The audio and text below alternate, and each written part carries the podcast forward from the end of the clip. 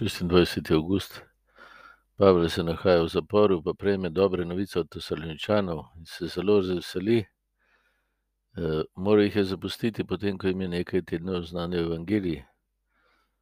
Skrbelo ga je, da njihova vera ne bi zdržala vseh nasprotovanj stisk, pošlje Timoteja, da jih potrdi v veri in mu posreduje novice.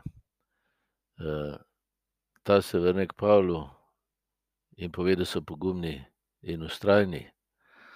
Pavel je tako vesel, da jim napiše tolažilno pismo in razkrije svoje srce, da se počuti kot njihov oče v evangeliju, da jim je posredoval novo življenje, sinov in hčera, in da imajo vse, kar je potrebno, da to tudi živijo kot konkretno ljubezen, drug do drugega, v majhnih stvareh vsakega dne to moč nam daje Kristus, pa njegova beseda, pa njegov duh. Eh, v to smo tudi mi povabljeni. Po Evharistiji, Božji besedi, osebni molitvi, skupni molitvi, pa po vsem tem, kar se v našem življenju dogaja, v resnici nas Bog kot vabi.